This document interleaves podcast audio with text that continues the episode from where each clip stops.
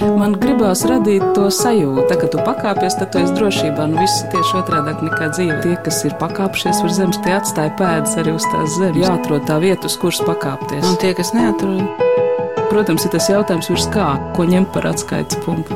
augstāk par zemi. Augstāk par zemi. Augstāk par zemi. Labvakar! Nu tā pa lielām te jau tikai tā trīs darbi ir. Divi ir tie galvenie darbi, un tas trešais, nu tas arī ir palicis jau par darbu. Bet vispār viņš tāds nebija domāts. Viņš bija domāts tikai atklāšanas pasākumam. Tie ir tad, principā vienkārši, ļoti vienkārši telefoni pie sienas, no kuriem var kādam piezvanīt, un kāds var piezvanīt arī viņiem, un cerēt, ka kāds otrā galā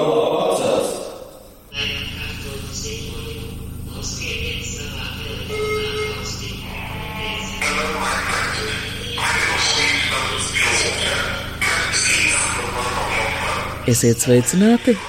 Jauno mēdīju kultūras centra Riks C galerijā Rīgā. Atklāta Martina Visbuļa izstāde plus 371 286 49 002. Nav jau grūti sazīmēt, ka izstādes nosaukums ir Latvijā reģistrēts mobilā tālruņa numurs, un tieši tā arī ar šo nesen atklāto Martina Visbuļa izstādi iepazīstināja mēdīja. Tajā ir mākslas darbi, kuriem var piezvanīt.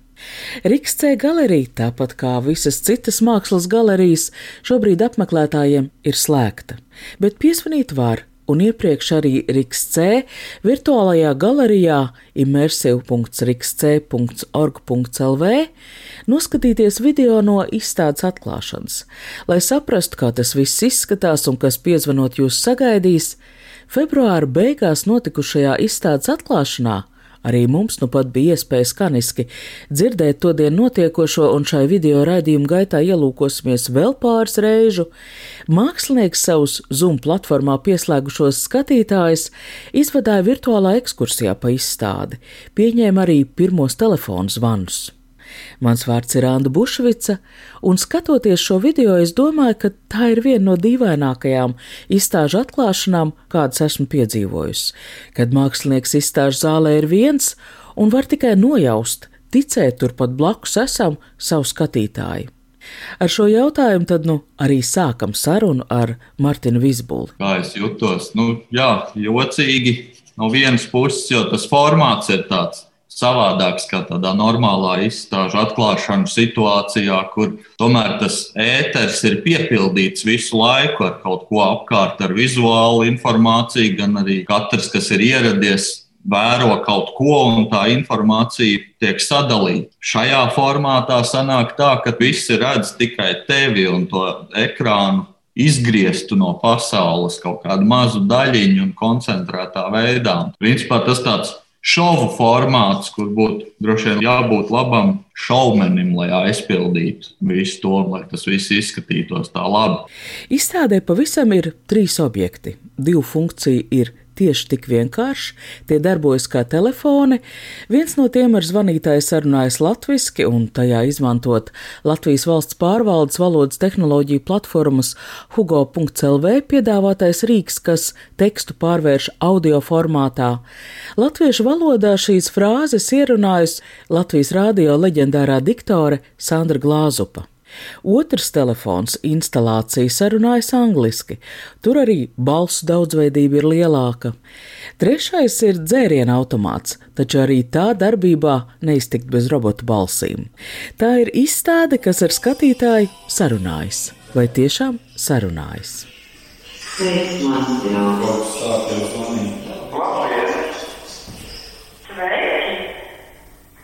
Ko tu neteiksi? Sāc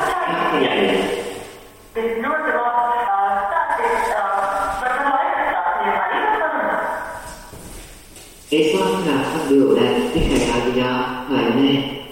Jo jūsu darbs kā reiz ir par, ja es pareizi saprotu, par komunikāciju vai tomēr par tehnoloģiju attīstību. Nu, principā jau viņš ir par to mūsdienu komunikāciju, dizainu kā tādu. Tur tie līmeņi un slāņi un aspekti tur ir dažādi ielikti tajā visā. Tur ir stāsts par daudz ko. Viss centrā ir kaut kā paņemts vizuāli tas pats telefons. Protams, es viņu esmu nedaudz destruktivizējis un pārveidojis, lai viņš nebūtu tā uzreiz, varbūt tik labi saprotams, bet jā, viņš ir tāds izjaukts un drusku apgaizīts un novienkāršots. Nu, arī tā, lai tādā veidā varētu parādīt, kāda ir tā mūsdienu komunikācija, uz ko tas viss iet. Nu, daudz ko var ļoti vienkārši atrisināt, vairs nemaz īpaši nerunājot, izvēloties pareizo atbildības variantu, nospiežot, un daudz kas notiek īpaši nekomunicējot nemaz.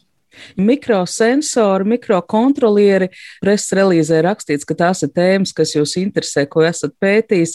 Nu, tie tiek izvietot tieši, lai tu nebūtu nepamanāms, lai durvis atvērtos tev ienākot un tiešām kāda balss tev laipni atbildētu. Nu jā, bet viņi jau atņem tās tavas funkcijas. Ļoti daudz funkcijas mums tiek šobrīd noņemtas vienkārši nost. Un, ja viņas noņem, tad tas cilvēks ar laiku pie tā pierod un daudz ko vispār aizmirst, un daudz kas vispār izzūd. Mēs to pat nemaz tā nepamanām, kā tas notiek, un tas notiek diezgan ātri. Režisors Walters Sīls bija ārkārtīgi sašuts, kad parādījās pirmie nu, tie pašapkalpošanās kases. Nu, viņš tāds bija redzējis ārzemēs, un viņš teica, bet ārprāts aizvien tā minimālā komunikācija, tu, piemēram, dzīvo viens, tu aizej uz veikalu, un tu kaut vai labdien pasaki. Un arī no tās tu laipni tiec atbrīvots. Tieši tā, aizēja pastā, kādreiz nobļāvies, kurš pēdējais, un viss bija skaidrs, un varbūt vēl izveidojās kāds dialogs uz vietas un saruna. Bet šobrīd ir pilnīgi bez emocijām, cietām sejām, nospied pogu, paņem gaidu, skaties ekrānā, ej. Nu, vēl druscīt ir jāparunā ar pašu pastu darbinieci var būt vienīgā iespēja, bet nu, gan jau kā arī to drīz mums atņems. Bet kā jūs pats izjūtat šo laiku? Jo šobrīd tā komunikācija kļuvusi no vienas puses, tehnoloģija iespējas mums vispār dod iespēju komunicēt. Ja to nebūtu, visdrīzāk izstāde pat šādā formātā nevarētu notikt, un arī mūsu saruna. Tieši tā, tas arī vēl viens aspekts tai izstādes atklāšanai, kur es pats pamanīju, ka ir ieradušies cilvēki, tādi, kuri nekad nebūtu ieradušies uz tādu īsto izstādes atklāšanu. Tās ir dāmas gados no laukiem, kuras vienkārši sēž, viņas ir jau apgūšas, kā var lietot Zoom un citas šīs te tehnoloģijas, viņas ir klāt, un viņas sēž un skatās, un viņas ir lietas kursā. Viņām šobrīd ir pieejams daudz kas vairāk nekā varbūt iepriekš ieradušās uz izstādes atklāšanu. Jūs domājat to dienu, februāra beigās, kad izstāde tika atklāta ar Zoom starpniecību? Tieši tā. Varbūt pastāstiet mazliet vairāk par darbiem. Tā tad ir trīs objekti. Viens no tiem, laikam, tas šūnām līdzīgais, ir tas izjauktais telefons. Tā šūna ir domāta kā amēba kur visu laiku mainās un nav divu vienādu amēbu. Tāpēc ar tie darbi abi ir pilnīgi savādi, un ja viņi tiks ražoti vēl kāds, tad arī katrs nākamais būs pilnīgi savādāks. Tā forma būs mainīga, un iespējams arī tas saturs viņā iekšā būs atšķirīgs. Tad kā šie darbi īsti darbojas, tad, kad galerija būs vaļā? Tad cilvēks pieiet pie šī izjauktā telefona vai, vai amēbas un var piezvanīt šim darbam. Ja? Viņi ir kā tādi vienkārši telefoni, kuros ir principā tikai tā saruna funkcija iespējama. Kāds var piezvanīt šim telefonam, un, ja tu esi kā apmeklētājs blakus, tu vari droši iet klāt un pacelt klausuli un sākt komunicēt. Un otrs veids ir, ka tu pats vari pieiet, izvēlēties kādu no sev zināmajiem telefona numuriem, ievadīt un piezvanīt kādam.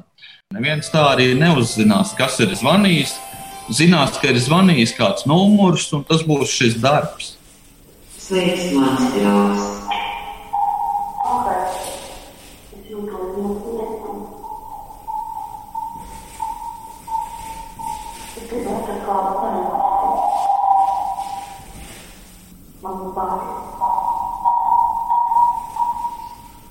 Kā tu šobrīd jūties? Man ir baigi. Es drēbu. Ir taisnība, es pilnībā piekrītu. Mūsu saruna netiek ierakstīta, apsolu. Nekaities, uzticies man.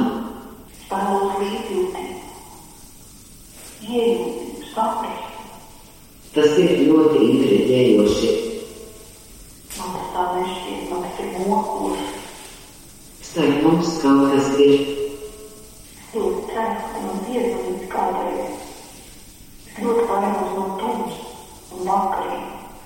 Es visu ļoti labi saprotu. Saproti, piedzīvoti.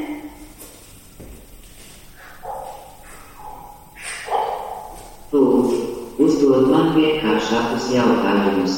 Nu, man bija interesanti vērot tās apmeklētāja reakcijas, jo, protams, ka šīs atbildes nevienmēr trāpa desmitniekā, un viņi apzinās to, ka notiek spēle. Un it kā to iztēli rosina tieši tas, ka tas it kā ir pat cilvēks, pie kam Sandrs Glāzups variantā atpazīstams cilvēks, un vienlaiks tas nē, tu nesarunājies ar Sandru Glāzupu. Tas jautājums varētu būt nu, to spēles momentu, kur rodas tas līdzpārdzīvojums, nu, tas iekustinājums šī darba sakarā, jūsuprāt.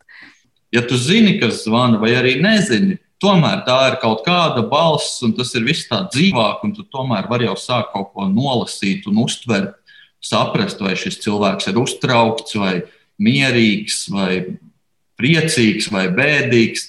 Bet tajā sintēzētajā versijā tu vairs viss šis te pazūd. Viņš ir it kā tu saproti, par ko ir runa, bet nekāda emocija vairs nav. Mārtiņa Visbuļs izstāda plus 371, 286, 4902. Man ir interesanti, tāpēc, ka tā rada situācijas, kurām līdzīgas mēs viegli varam sameklēt savā ikdienā. Mākslinieks tās radot mākslīgi, pārspīlējot, atrādot publikai, palīdz tās noformulēt, pamanīt, padara iespējamu dialogu par tām, un mūsu sarunā jau pavīdēja pāris konkrētas situācijas, mulsums, pie kura var pierast, bet kas vienalga nav pašsaprotams, kad zvanot un cerot uz sarunu, sarunbiedri vietā satiec robotu, un lūk vēl kāda konkrēta situācija, kas arī uzdod jautājumus daļa no šī darba, tā līdzpārdzīvojuma, ir tas, ka tu atpazīsti šo balsi. Bet uh, tagad, kad bija šīs ļoti asās diskusijas, ir vai nav covid, nu bija tāds gadījums, ka nejaucēni bija izmantojuši šo balsi, Sandrs Glāzubs balsi, lai savu paziņojumu, tādu vēstījumu popularizētu. Un man bija ļoti, ļoti tāds divējāds sajūts, ka mana mīļā kolēģe ir nonākusi situācijā, kur viņa saka to, ko viņa nekad nebūtu gribējusi teikt. Kāda ir jūsu attieksme pret šādu nu, realitātes nobīdi? Tas notiek jau šobrīd ar daudz ko, jo tās tehnoloģiju lietas ne tikai daudz ko atvieglo, bet arī ir cilvēki, kas viņus izmanto nevisai labā veidā. Nu, piemēram, kas šobrīd notiek ar tādu ļoti aktīvu, nu, ir, protams, ar tā šī brīža situāciju, to ir sācinājums un pastiprinājums, bet nu, notiek tie dažādi veidi krāpniecības gadījumi, kur kāds izliekās par kādu citu. Un tam otram cilvēkam, līdzīgi kā manā darbā, arī, ka tu īsti nezini, kas tev šobrīd zvana, un tu vari kļūdīties. Un tāpat arī šobrīd baigi jau paliek grūti atšķirt, kur ir tā patiesība un labie mērķi, un kur ir zem kā jau slēpjas kaut kādi sliktāki mērķi. Sveiks, mans draugs! Atpazīt! Jā, Paldies par mani atcerēt! stāsti, kā tev iet, Man iet labi, kā tu šobrīd jūties. ļoti labi. Tas viss ir ļoti nopietni. Tev taisnība. Vai es varu tev vēl kādreiz piezvanīt? Labi, zvani darbā laikā. Visu gaišu līdz nākamajai reizei. Jūs šajā izstādes atklāšanā pats skrējāt no viena darba pie otra. Tur ir nepieciešama arī kāda cilvēka klātbūtne. Tieši tā, jo, ja nav kas šo te telefonu paceļ, tad nekas arī principā nenotiek. Nu, tas ir, ja ir runa par šiem diviem darbiem tieši. Jā. Tur ir nepieciešams, ka kāds otrā galā paceļ, un šobrīd galerija ir norganizējusi, ka laikam no trešdienas līdz sestdienai, no trījiem līdz sešiem, vai kādu to var paskatīties Rīgas orga mājaslapā, kādi ir tie laiki. Tad ir cilvēks, kas ir pie šiem telefoniem un atbildēs labprāt uz jūsu zvaniem. Kā šobrīd ir, kāds arī piezvana? Jā, nu, principā pārsvarā zvana tajos noteiktajos laikos. Ir pa laikam gadās kaut kāds arī nomaldījies, kas piezvan tāpat. Netraucē darba diena, negrauj. Nē, nu tā jau nav kā telefona centrāla, tas jau diezgan minimāli tomēr. Tā kā tas pat tā drīzāk, drīzāk atsvaidzina, nevis traucē. Raits Šmits, viens no jauno mēdīju kultūras centra RIKC līdzdibinātājiem, viņš reizēm arī ir tas, kurš paceļ klausuli izstādē, jo Riks C galerijā Rīgā Lenčielā 2 atrodas arī jauno mēdīju kultūras centra darba telpas. Es lūdzu Raitu Šmitu, kā vienu no galerijas vadītājiem, arī pamatot, kāpēc Martina Visbuļa sazvanāmie darbi viņam likās piemērot izstādīšanai šai galerijā. Un mūsu saruna pievēršas kādai šobrīd daudz apspriestai utopijai, kur apspēlē gan Holivudas filmas, gan fantāzijas žanra literatūra, piemēram, Džeina Steinbergas romāns Lasītāji, arī jaunā Rīgas teātra izrāda Beatlu jaunais albums vai tiešām roboti drīzumā pārņems cilvēku dzīves telpu un dzīvās būtnes kā nekonkurētspējīgas no tās izspiedīs laukā. Mēs dzīvojam šādā mediētā laikmetā. Arvien vairāk mums ir rīki, kas pastarpina mūsu saikni, savstarpējo un komunikāciju, un uh, cilvēki attīsta vēl tehnoloģijas un iet šajā te mašīnu mācīšanās tehnoloģiju virzienā ar to sapni, kad radīt nu, kaut kādu rīku, kurš pats visu izlems un pats visu kaut ko darīs, un mums tikai vajadzēs norādīt, ko mēs gribētu, lai viņš dara. Nu, tas mākslīgais intelekts, jā, kā to sauc. Principā jau tādā, nu, ikdienas līmenī tās izpausmes jau ir daudz, kur jau ir ieviestas un parādījušās. Ir šie auto atbildētāji, kas kļūst tādi, teiksim, ar vien pilnīgāk tajā nozīmē, ka tu vari sazvanīt kaut kādus servisus un noskaidrot uz tā kā ieprogrammētiem jautājumiem atbildes. Ja tev kaut kas ārpus kārtas ir vajadzīgs, tad, nu, var cerēt, ka tu ar kādu cilvēku varēsi aprunāties. Tas viss tik ļoti plaši attīstās, ka man liekas, ka dažs Martina darbs šī sakarā ir ļoti atbilstošs viņam ir eh, arī, protams, tāda, nu, ironiski kritiska varbūt šķautne šim darbam, jo it kā mēs tiekam konfrontēti piezvanot ar šo mākslīgo intelektu, kuram ir diezgan ierobežots šī gadījumā vārdu un frāžu krājums. Bet ironiskā kārtā, ja apakšā ir tik un tā cilvēks, kurš izlemj, ko tad uh, īsti atbildēt. Man liekas, to var attiecināt uz visu šo mākslīgā intelekta mašīnu mācīšanās industriju kopumā. Teiksim, nu, runas par to, ka tā būs jauna paradigma un milzīgas izmaiņas un nezinu, kas tur radīsies. Tas viss ir tādā ierobežotā laukā, jo mēs jau esam radījuši paši cilvēki, mēs to esam radījuši. Līdz ar to tas ir uh, burbulis, un uh, viņam ir savas robežas. Tas nav pats no sevis uzradies, ja, un tas uh, mašīnu mācīšanās un viss tā tehnoloģija tālāk attīstīt. Tas ir mūsu radīts. Un mhm. vienmēr aiz tā ir stāvējis cilvēks. Kā tas aizies, cik tas kļūs komplicēts, sarežģīts, kā to uzņems sociums kā tāds. Ja?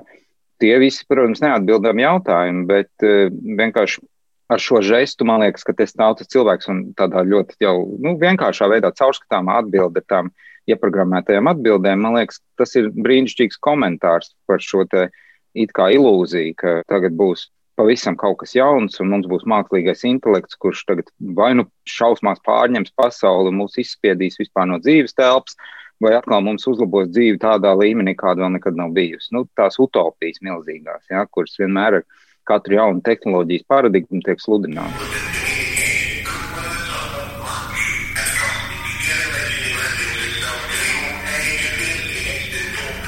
Izstādē ir vēl trešais darbs - dzērienu automāts. Sākotnēji paredzēts atklāšanas ballītes noskaņai, automāts, kurš izpildot noteikts darbības, izved cauri konkrētu noteikumu virknei, lai servētu pavisam īstu dzērienu.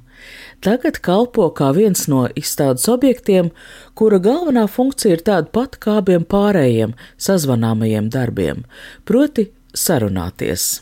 Dzērienu automātam ir tāda lieta, ka viņam var piezvanīt, un tur ir drusku savādāk. Tur nav vajadzīgs otrā galā tas cilvēks, kurš atbild vai kaut ko spiež. Viņš ir tāds principā vienpusējs, ka viņu darbina tikai tas zvanītājs, un tas zvanītājs var zvanīt arī šobrīd, un viņš var zvanīt, tad, kad viņš ir klātienē.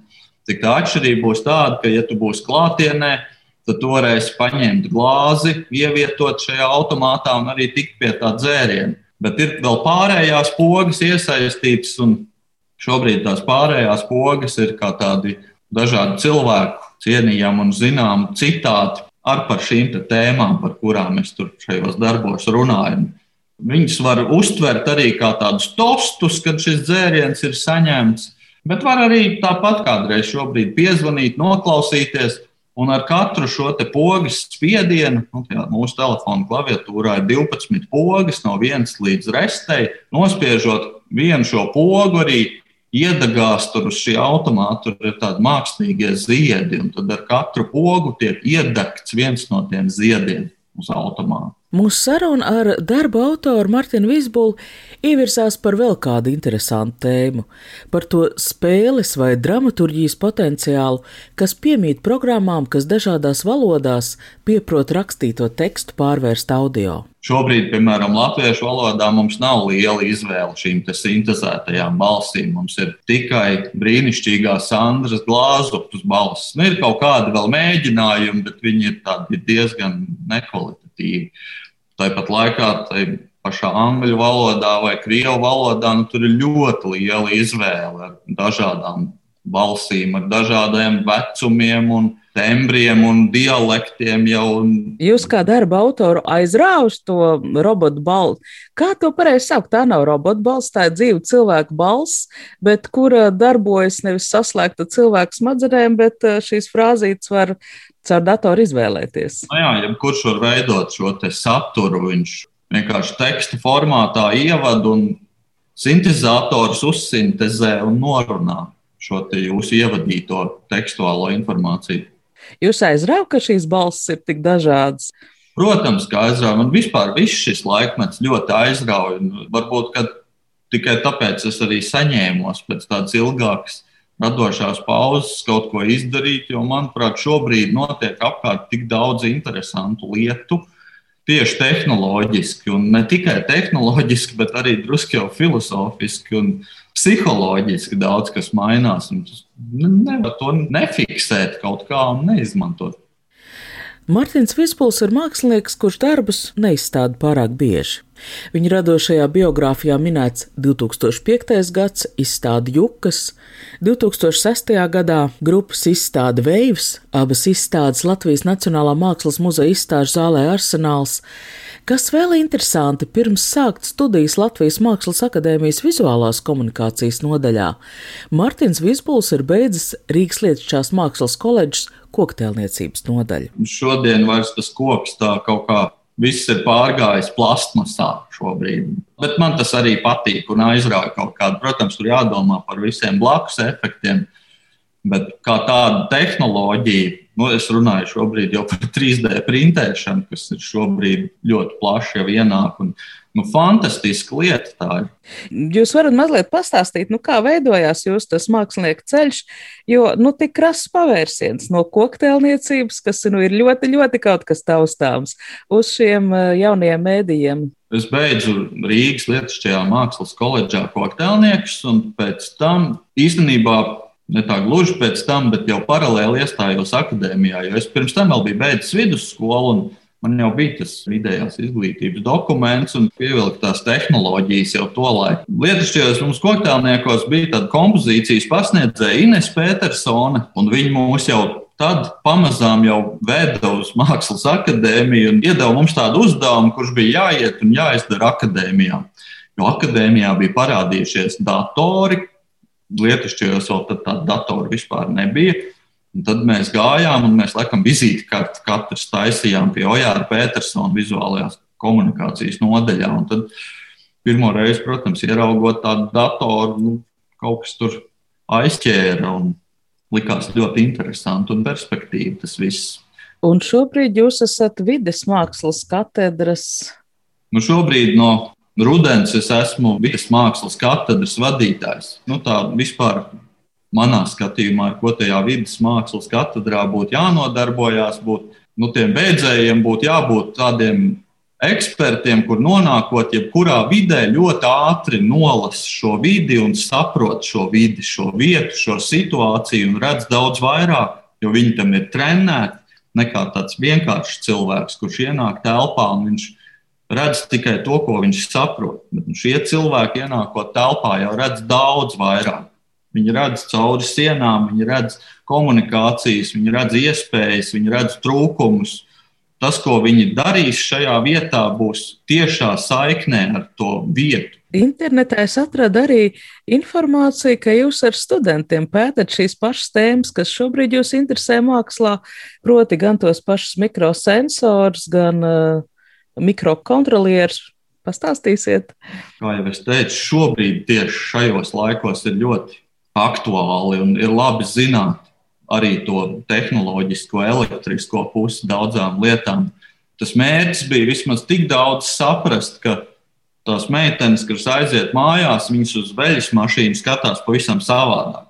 Viņām vajadzētu redzēt, ka tur nekā nav sarežģīta, ka arī viņas var izgatavot tādu veļas mašīnu vai cepeškrāsni pašas. Viņas redz, kāda tur sensori ir iesaistīti un cik ir primitīvas tur visas tās funkcijas arī no programmēšanas puses. Kaut kā tā. Kādā veidā tā pētīšana notika? Vienkārši mēģinot saprast, kāds uzbūvēts. Nu jā, tieši tā. Bet arī tas laikmets ir drusku pamainījies un ir daudz vieglāk mācīties. Pat principā neejot uz skolu, ir šie visi video kanāli, kurus var vērt vaļā un atrast informāciju, visu, kuru tev interesē. Tu vari šobrīd ļoti ātri pašizglītoties un kļūt par jebko, par dārznieku. Nu, par jebko tu vari ierakstīt un atrast informāciju un redzēt sīki detaļās no dažādiem viedokļiem, kā to panākt, kā to izdarīt, ko nekad nevajadzētu darīt. Un tā es arī pats izglītojos no visām šīm tehnoloģijām. Ar iespēju mācīties arī skaidrojams, kāpēc pēc garākas radošas pauzes atkal tapus šī izstāde. Tieši pirms pandēmijas Martins Visbuls bija paņēmis brīvu, paceļot pa taizemi, bet pats galvenais - viņam esot bijis brīvs laiks tieši šādi, pašmācības ceļā, interesēties, uzzināt ko jaunu. Man pašai iedvesmojošs likās Latvijas Nacionālās bibliotēkas esēja krājums lasīšanas pandēmija, tajā literatūra kritiķu un filozofa Anda Baklāna citas starpā apspriež modernā analfabētismu jēdzienu. Nu, piemēram, cilvēks, kurš nepieprot video skaņas apstrādi, vai tāds 21. gadsimtā nav uzskatāms par analfabētu? Varbūt vēl skarbāk, nepratēji jēdziens mūsdienu situācijā attiecināms kopumā uz cilvēku, kurš neseko, neizprot jaunākās tehnoloģijas. Šobrīd mēs būtībā ik viens ļoti daudz lietojam ikdienā tehnoloģijas, bet es nezinu, cik daudz mēs, nu jā, viens ir šīs tehniskās zināšanas, par to zinām, un otrs mēģinām par to domāt kā par uh, kultūras parādību, nu, kaut ko sajust, kaut kāds paradoks tajā atrast. Šķiet, ka tas ir tas, ko dara mākslinieki. Nu jā, nu, protams, ka tiem mūsu studentiem nebūs jāražo veļas mašīnas un cepeškrāsnes, bet es gribu, lai viņi redz, kā tas strādā un ka tās tehnoloģijas varētu pārnest arī mākslas lauciņā, izmantot ne tikai tā racionāli, pragmatiski mūsu ikdienas uzlabošanai, bet arī tieši tajā mākslas pasaulē to vajadzētu fiksēt šobrīd, jo tas ir šobrīd aktuāli un kaut kā to vajag piefiksēt. Nu, preses relīzē ir tāda frāze, ka modernajās mājās, kas būs pārbāztas ar dažādiem sensoriem, nu, tās gudrās mājas, ka tur arī būtu vieta šādiem gudriem eh, mākslas darbiem, kādi šobrīd skatāms galerijā Lenčielā divi. Vai tā bija ironija? Nē, nebūtu. Nē. Tāda bija arī tā doma. Nu, tas bija tas, ko es arī gribēju. Nu, viss mums šobrīd jau ir vadāms no telefona. Mēs varam tur zināt, kas mums ir leduskapī, mēs zinām savu mājas temperatūru vai vēl kaut kādas nianses, ko mēs varam kontrolēt caur telefonu. Nu, kāpēc mēs nevarētu caur telefonu saslēgties arī ar mākslas darbiem? Izstāde plus 371, 286, 49002 jauno mēdīju kultūras centra Riks C galerijā šobrīd plānot līdz 24. aprīlim. Telefona numurs, uz kuriem sazvanām, aprakstītie darbi, tāpat kā izstādes darba laikus, varat meklēt Riks C virtuālās galerijas mājaslapā. Ar izstādes darba autoru Martinu Visbuls sarunājās Anda Bušvica, šī raidījuma skaņoperators Valdis Raitums. Paldies par komunikāciju. Es par tevi domāšu. Visu gaišu līdz nākamajai reizei. Tā kā tu pakāpies, tad tu esi drošībā. Nu, viss ir tieši otrādi nekā dzīve. Tas ir tā spēle, jā. Tie, kas ir pakāpšies virs zemes, tie atstāja pēdas arī uz tās zemes. Protams, ir tas jautājums, ko ņemt par atskaites punktu. Nē, nu, principā ir skaidrs, augstāk par zemi. Jāatrod tā vieta, uz kuras pakāpties. Augstāk par zemi. Augstāk par zemi. Augstāk par zemi.